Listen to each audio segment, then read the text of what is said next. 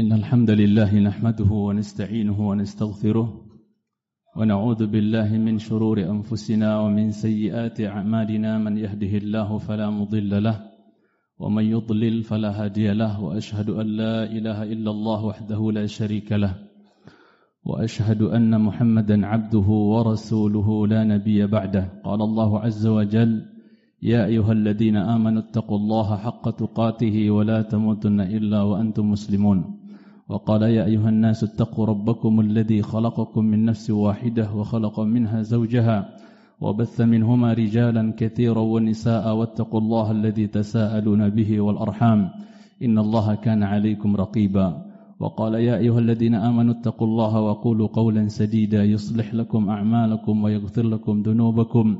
ومن يطع الله ورسوله فقد فاز فوزا عظيما أما بعد فإن أصدق الحديث كتاب الله وخير الهدي هدي محمد صلى الله عليه وسلم وشر الأمور محدثاتها فإن كل محدثة بدعة وكل بدعة ضلالة وكل ضلالة في النار أما بعد Sidang Idul Jum'ah yang khatib muliakan dan khatib cintai karena Allah Tabaraka wa Ta'ala. Sering kita dengar para da'i berkata, bahkan khatib juga sering sampaikan bahwa kalau kita ingin masuk ke dalam surga Allah tabaraka wa taala maka mesti kita untuk mengikuti jejak perjalanan cara beragama orang-orang yang sudah dijamin untuk masuk surga. Mereka yang dijanjikan surga oleh Allah Jalla yang Allah firmankan wa kullu wa'adallahu al-husna. Masing-masing mereka Allah janjikan kebaikan yaitu surga mereka adalah para sahabat Nabi yang mulia alaihi salatu wassalam. Yang kalau kita mau merunut satu persatu dan membahas satu persatu tentang keistimewaan-keistimewaan, keutamaan-keutamaan, kebaikan demi kebaikan para sahabat radhiyallahu taala anhum ajmain, sungguh berbulan-bulan pun tidak akan selesai sedang Idul Jumat yang khatib cintai karena Allah Jalla wa ala. Saking banyaknya kalau kita mau bahas tentang keistimewaan, keistimewaan, keutamaan, keutamaan para sahabat radhiyallahu taala anhum ajmain.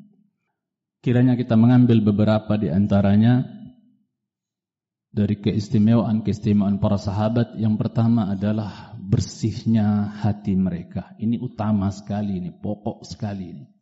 Bersihnya hati mereka, sucinya hati mereka. Ya, di mana Allah Jalla wa'ala telah mengetahui kesucian hati mereka, kebersihan hati mereka. Allah berfirman dalam surat Al-Fatih ayat 18-19, sering kita dengar, Laqad radiyallahu 'anil mu'minina id yubayi'unaka tahta asy-syajarah fa'alima ma fi qulubihim fa'anzala as-sakinata 'alaihim wa athabahum fathan qariba. Bahkan Allah tambahkan wa maghanima katsiratan ya'khudunaha ila akhiril ayat. Bahwasanya Allah sungguh telah meridhai, lihat, Allah telah ridhoi. Orang-orang yang sudah terlanjur Allah ridhoi, enggak ada hak orang untuk membenci dan mencerca, menghina, apalagi mengkafirkan mereka. Sebagaimana orang-orang Syiah Rafidhah yang mengkafirkan, menghina, mencerca para sahabat radhiyallahu taala anhum ajmain. Yang Rasul sallallahu alaihi wasallam katakan, "La tasubbu ashabi." Jangan coba-coba mencerca, mencela sahabatku. Fa innahu law anfaqa ahadukum mithla Uhudin dhahaban ma balagha mudda ahadihim wala nasifa. Jangan coba-coba mencerca, menghina sahabatku, apalagi mengapa mengkafirkan. Orang Syiah katakan santai aja, Abu Bakar kafir, Umar bak kafir, Utsman kafir, biasa aja mereka bilang. Aisyah kafir, Hafsah kafir, biasa. Terlaknat biasa mereka. Emang sudah jadi sarapan tiap pagi ngelaknat sahabat orang-orang Syiah Rafidhah. Sungguhnya selalu seandainya di antara mereka, kalau seandainya kalian ada yang menginfakkan sebesar gunung dari emas, sebesar gunung Uhud dari emas dia infakkan, nggak bisa menyamai pahala infak. Ya, satu mut para sahabat atau setengah mut sahabat. Nggak sama pahalanya. Bahkan sering khatib sampaikan, duduknya sekali saja sahabat di majelis Nabi, sekali saja mereka duduk di majelis Nabi Shallallahu Alaihi Wasallam, itu pahalanya nggak bisa dikalahkan dengan ibadah kita seumur hidup. Terus yang kayak gitu-gitu dikafirin, dicercah, dihina. Waliyahzubillah. Allah katakan sungguh Allah telah meridhai orang-orang beriman. Siapa orang-orang beriman yang pertama kali? Kita semua akan sepakat mengatakan orang-orang beriman pertama kali dengan apa yang dibawa Muhammad sallallahu alaihi wasallam adalah as-sahabah. Ya. Idh yubayi'unaka tahta syajara. Tatkala mereka membaiat engkau wahai Muhammad di bawah pohon, syajaratul ridwan, pohon ridwan. Yang dulu pohon itu setelah Rasul wafat, ya, ya di zaman Umar terutama radhiyallahu taala mulai ada orang yang tabaruk tabaruk di situ bahkan salat di bawah pohon itu. Maka Umar datang menasihati mereka kemudian menebang pohon tersebut. Membuka pintu-pintu syirik maka harus dia apa? Harus ditebang. Lihat sekarang banyak pohon diagungkan. Ada penunggunya ini fulan dikasih ancak dikasih apa dan seterusnya. Allahu Akbar. Kalau di zaman Umar sudah habis itu pohonnya kemudian sidang Idul Jumat yang hatib cintai karena Allah tabarak wa taala apa kata Allah? Ya, fa'alima ma fi qulubihim. Ini syahidnya. Allah tahu apa yang ada di dalam hati mereka. Hati mereka bersih, hati mereka baik. Sebagaimana Abdullah bin Mas'ud mengatakan tentang sahabat mereka itu adalah atharuhum qulubah. Mereka adalah orang-orang yang paling suci, bersih hatinya, kata Abdullah bin Mas'ud. Ya, radhiyallahu taala anhum ajma'in. Yang beliau pernah katakan Allah pernah melihat hati-hati semua hamba. Maka Allah dapatkan hati yang paling suci dari semua hati hamba adalah hati Muhammad sallallahu alaihi wasallam. Maka Allah pilih beliau menjadi rasulnya menjadi nabinya. Setelah itu Allah melihat hati-hati semua hamba selain Muhammad sallallahu alaihi wasallam. Ternyata Allah dapatkan hati-hati para sahabat adalah hati-hati manusia yang paling suci maka Allah pilih para sahabat itu menjadi penolong, menjadi ansar, menjadi hawari, menjadi penolong, pembela bagi Rasulullah sallallahu alaihi wasallam. Orang-orang yang hatinya suci, bersih.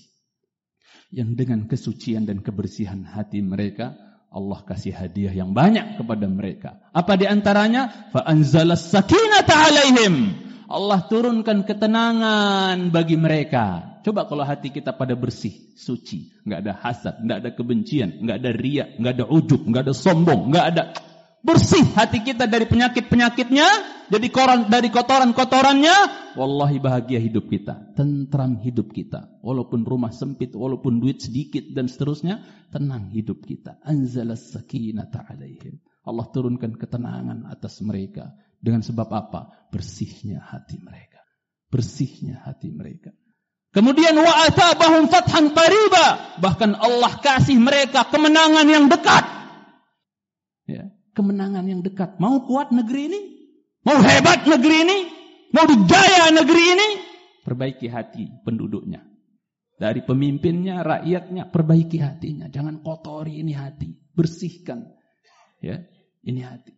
Ini pokok ini Allah yang bilang dengan sebab Allah tahu isi hati mereka, bersihnya hati mereka, Allah kasih ketenangan, ketentraman, Allah kasih mereka apa? Kemenangan yang dekat. Bahkan wa maghanima katsiratan ya'khudunaha. Mereka dapat ghanimah, harta rampasan yang perang yang banyak yang mereka bisa ambil. Subhanallah. Ya, itu karena hati mereka. Itu pertama, para sahabat itu orang-orang yang hatinya bersih. Maka kita berusaha untuk meniti jejak mereka dan belajar bagaimana para sahabat mensucikan hatinya, membersihkan hatinya. Harus ngaji, harus belajar. Ya, nggak bisa ongkang-ongkang di rumah lantas hatinya tiba-tiba bersih gitu, enggak.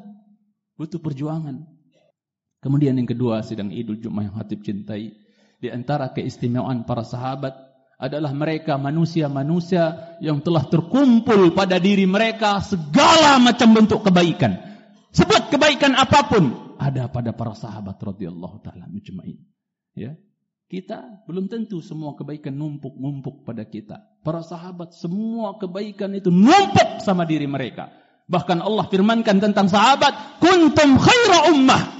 Kalian adalah sebaik-baik umat. Berarti semua pintu kebaikan, jenis kebaikan telah terkumpul pada diri mereka. Sebagai contoh, dalam hadis Abu Hurairah radhiyallahu taala anhu, yang hadis ini dikeluarkan oleh Imam Muslim dalam sahihnya, bahwa Rasulullah sallallahu alaihi wasallam satu hari bertanya di hadapan para sahabat. Apa kata Rasul? Man asbaha al-yawma minkum sa'ima? Siapa hari ini di antara kalian yang puasa, puasa sunnah? Ini hubungan antara hamba dengan Allah. Kaitannya antara hubungan hamba dengan Allah. Siapa di hari ini di antara kalian yang puasa? Saum, saum sunnah. Kalau Abu Bakar, ana. Saya ya Rasulullah. Pertanyaan kedua. Man tabi'al yawma minkum ay man tabi'a minkum al yawma janazatan. Siapa di antara kalian yang hari ini nganterin jenazah? Yang kalau kita sholatin jenazah nggak ngikut nguburin satu kirot pahalanya. Satu kirot itu seperti gunung besar. Kalau kita nyolatin sampai antar nguburin jenazahnya sampai kita antar jenazahnya dan kuburin maka apa?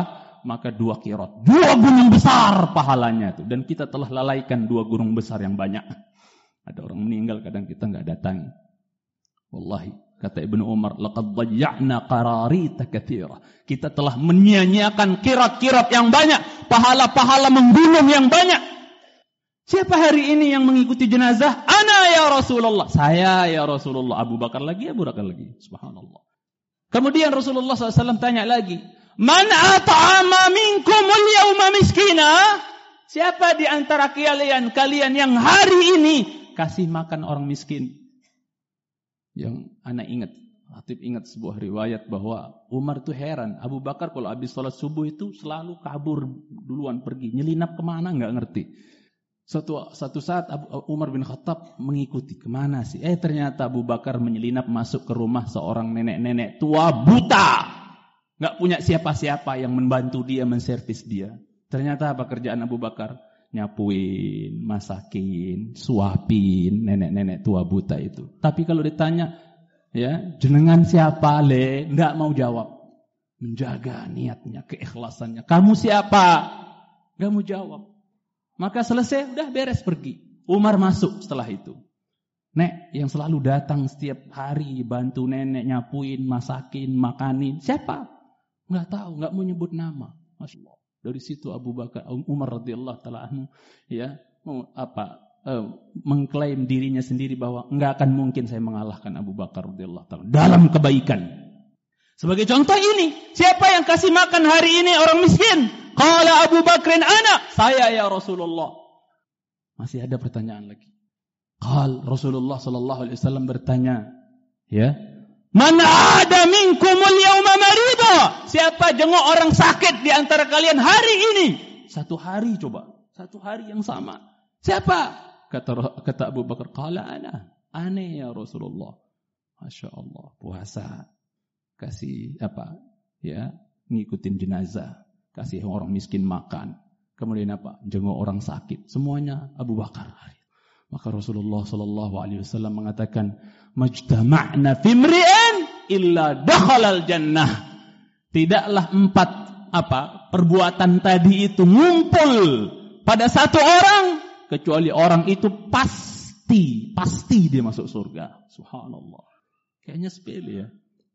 Tapi luar biasa hadiahnya dari Allah Jalla wa'ala. Pasti dia masuk surga. Makanya dalam hadis sahihain Bukhari dan Muslim juga. Dari jalan Abu Hurairah juga radhiyallahu ta'ala anhu. Beliau meriwayatkan. Bahwa Rasulullah sallallahu alaihi wasallam satu hari bersabda. Man anfaqa zawjaini min syai'in minal asya' fi sabilillah yud'a min abwab. Ay minal abwab. Siapa yang menginfakkan dua dinar atau dua dirham yang itu sudah menjadi kebiasaan, habit bagi dia. Berimpak setiap hari. Dua dinar, dua dirham. Mungkin dia simpak, impakkan. Dan itu jadi kebiasaan bagi dia, habit bagi dia. Maka yuda'a minal abwab. Dia akan dipanggil dari semua pintu surga. Kita tahu pintu surga delapan. Dia akan dipanggil dari semua pintu surga. Fa in kana min ahli salah du'iya min babis salah wa in kana min babil jihad du'iya min babil jihad wa in kana ya min ahli sadaqah du'iya min babis sadaqah wa in kana min ahli siyam du'iya min babir rayyan ya maka akan dipanggil dari semua pintu surga kalau dia kalau dia seorang yang ahli salat maka dipanggil dari pintu salat kalau dia ahli jihad, maka dipanggil dari pintu jihad. Kalau dia ahli sedekah, derma, maka dipanggil dari ah, dari dari pintu surga. Kalau dia ahli puasa, dipanggil dari pintu Ar-Rayyan. Abu Bakar berkomentar setelah dengar Rasul mengatakan seperti itu. Dia mengatakan, Apa yang memudaratkan orang seperti itu ya Rasulullah? Enak banget dia dipanggil dari semua pintu surga. Apa yang memudaratkan orang tersebut ya Rasulullah? Maka Abu Bakar kepo dan nanya mengatakan, "Ya Rasulullah, adakah orang yang dipanggil dari semua pintu surga?" Tadi kan dari orang sholat dari pintu sholat, orang puasa orang pintu royan, orang jihad dari pintu jihad, orang apa sedekah dari pintu sedekah. Ada nggak orang yang dipanggil hamba yang dipanggil dari semua pintu itu ya Rasulullah? Semua pintu surga itu ya Rasulullah. Qala na'am. Wa arju an takuna anta minhum ya Abu Bakar.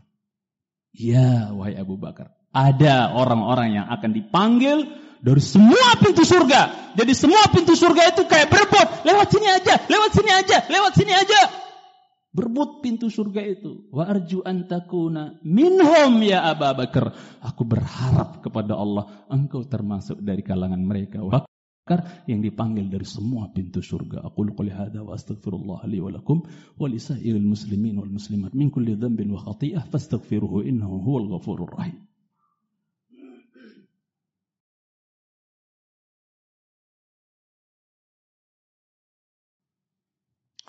Alhamdulillah wassalatu wassalamu ala nabiyillah wa ala alihi wa sahbihi wa man walah amma ba'd.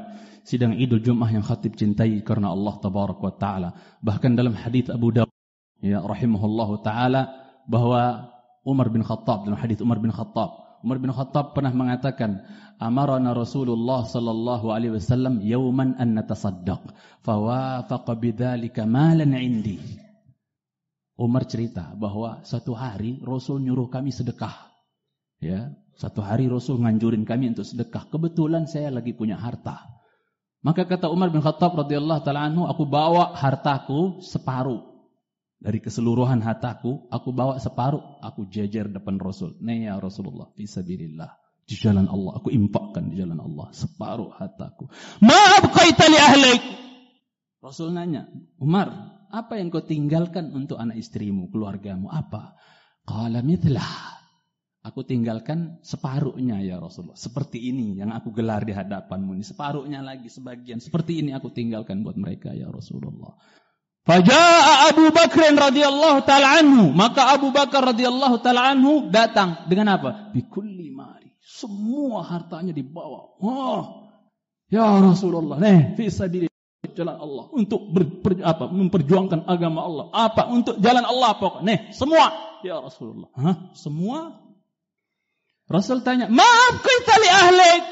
Abu Bakar, lah untuk anak istrimu makan apa? Untuk apa? Apa kau tinggalkan untuk anak istrimu? Lihat iman. Kasih semua dia yakin ntar lagi akan datang. Allah akan ganti. Wa ma anfaqtum min syai'in fahuwa yukhlifu. Apa yang kalian indah dari sesuatu apa pun dia Allah yang akan ganti. Bahkan tiap pagi turun malaikat mendoakan Allahumma ati munfiqan khalafa. Ya Allah yang berinfak itu ya Allah kasih ganti ya Allah kata malaikatnya. Tapi yang pelit, medit, kedekut, bakhil, Allah ma'ati mumsikan talafa. Ya Allah yang pelit-pelit nggak mau sedekah itu, tolong hartanya dihancurin. Kata malaikat tiap pagi. Kata Rasulullah Sallallahu Alaihi Wasallam. Maka sidang Idul Jumat yang hati cintai karena Allah Subhanahu wa taala. Ketika Abu Bakar ditanya, "Maaf kaita li ahlik, untuk anak istrimu apa kau tinggalin wahai Abu Bakar? Kok, semua kau serahkan untuk jalan Allah, untuk memperjuangkan agama Allah, menebarkan agama Allah?" Apa kata Abu Bakar? "Abqaitu lahumullah wa rasulah." Aku tinggalkan untuk Allah dan Rasulnya. Ini jawaban apa yang seperti ini? Orang yang level imannya kayak apa sudah? Makanya Umar katakan kalau ditimbang iman Abu Bakar dengan iman semua penduduk dunia masih lebih berat imannya Abu Bakar radhiyallahu taala Subhanallah. Kemudian terakhir Hatib sampaikan di antara karakter-karakter bagus, karakter-karakter baiknya para sahabat mereka itu sangat anti dengan yang namanya makan haram. Di saat hari ini Rasul sudah kabarkan ya'ti 'alan nasi zaman La yubalil mar'u min aina iktasaba malah amin haram min halalin am haram. Akan datang masa bagi manusia di mana orang nggak peduli lagi dari mana dia dapat hartanya, halal asal asalnya atau haram, nggak peduli lagi. Pokoknya udahlah, yang penting hmm, waliyatubillah. Abu Bakar radhiyallahu taala dalam hadis Bukhari dari jalan ibunda Aisyah radhiyallahu taala anha. Mudah-mudahan kita bisa meniti jejak mereka. Ya, karakter-karakter yang lain mudah-mudahan kita sampaikan di khutbah yang lain insyaallah taala. Bahwa Abu Bakar radhiyallahu taala anhu punya seorang gulam, maksudnya seorang budak laki-laki. Dalam sebagian riwayat disebut namanya adalah Nuaiman. Nama budak itu Nuaiman. Biasanya Abu Bakar suruh cari makan itu dia, cari untuk apa untuk makannya Abu Bakar biasanya yang datang dari tangan dia, hasil kerja dia dan seterusnya. Makan Abu Bakar darinya. Dia budak, bisa disuruh-suruh. Suatu hari dia datang bawa makanan. Ya. Kemudian dia berkata, "Kau tahu ini wahai Abu Bakar? Emang ini apa? Mahad. Ini apa emang?" Oh ini ceritanya makanan ini asal muasalnya makanan ini adalah apa? Kuntu takahantu fil jahiliyah wala uhsinul kahana. Dulu aku pura-pura jadi dukun di zaman jahiliyah. Padahal aku sebenarnya apa? Enggak bisa dukun. Maksudnya abal-abalan aku pura-pura jadi dukun. Ya. Kemudian apa? Ya, datang seseorang kepadaku, maka apa? Khada'tuhu Aku tipu daya dia, aku tipu dia. Dan rata-rata dukun penipu. Rasul yang bilang dalam hadis Bukhari, dukun kalau ngomong satu oke okay, ada benernya, tapi seratus bohongnya.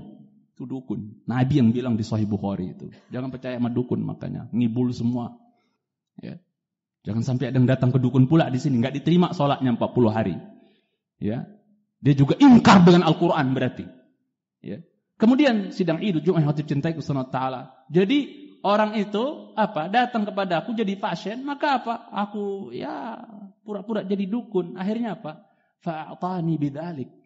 Atas pura-pura aku jadi dukun, aku kibulin dia, aku dikasih upah. Orang sekarang bilangnya selawat, naudzubillah. Bayar dukun dibilang selawat. Allah musta'an. Taubat itu orang. Segera bertaubat kepada Allah Jalla wa'ala. Maka dia kasih kepadaku. Nah ini makanan ini hasilnya tuh dari hasil hasil saya dukun-dukunan, abal-abalan itu asalnya. Ya Rab. Apa yang dilakukan oleh Abu Bakar radhiyallahu taala anhu? Orang-orang yang ingin sucikan jasadnya dari yang haram. Kullu lahmin nabata min suhtin fannaru aula bih. Fannaru aula bih. Fannaru aula bih. Setiap daging yang tumbuh dari hasil haram, neraka yang cocok untuk jilat dia. Neraka yang cocok jilat dia. Neraka yang cocok jilat dia itu. Bakar dia daging itu. Hati-hati jasad anak istri kita. Kasihan. Jangan kasih yang haram-haram. Riba dan seterusnya. Kasihan. Kasihan. Maka sidang Idul Jumat yang hati cintai karena Allah Tabaraka wa Ta'ala. Apa yang dilakukan Abu Bakar ketika tahu itu hasil perdukunan. Padahal dukun-dukunan pura-pura. Bagaimana dukun beneran? Hasil dukun pura-pura. Abal-abalan. Ya. Akhirnya Abu Bakar masukkan jari jemari wah, sampai muntahin semua isi perutnya itu. Enggak mau jasadnya ini tumbuh tergiti dari hasil yang haram. Mudah-mudahan kita bisa meniti jejak perjalanan mereka. Biar kita selamat dan bisa berkumpul sama Abu Bakar. Berkumpul dengan para sahabat. Walau kita tak sesoleh mereka. إن الله وملائكته يصلون على النبي يا أيها الذين آمنوا صلوا عليه وسلموا تسليما. اللهم صل على محمد وعلى آل محمد كما صليت على إبراهيم وعلى آل إبراهيم إنك حميد مجيد. وبارك على محمد وعلى آل محمد كما باركت على إبراهيم وعلى آل إبراهيم في العالمين إنك حميد مجيد. اللهم اغفر للمسلمين والمسلمات والمؤمنين والمؤمنات الأحياء منهم والأموات. اللهم يا مقلب القلوب ثبت قلوبنا على دينك. اللهم يا مصرف القلوب صرف قلوبنا على طاعتك. ربنا ظلمنا أنفسنا وإن لم تغفر لنا وترحمنا لنكونن من الخاسرين. ربنا آتنا في الدنيا حسنة وفي الآخرة حسنة.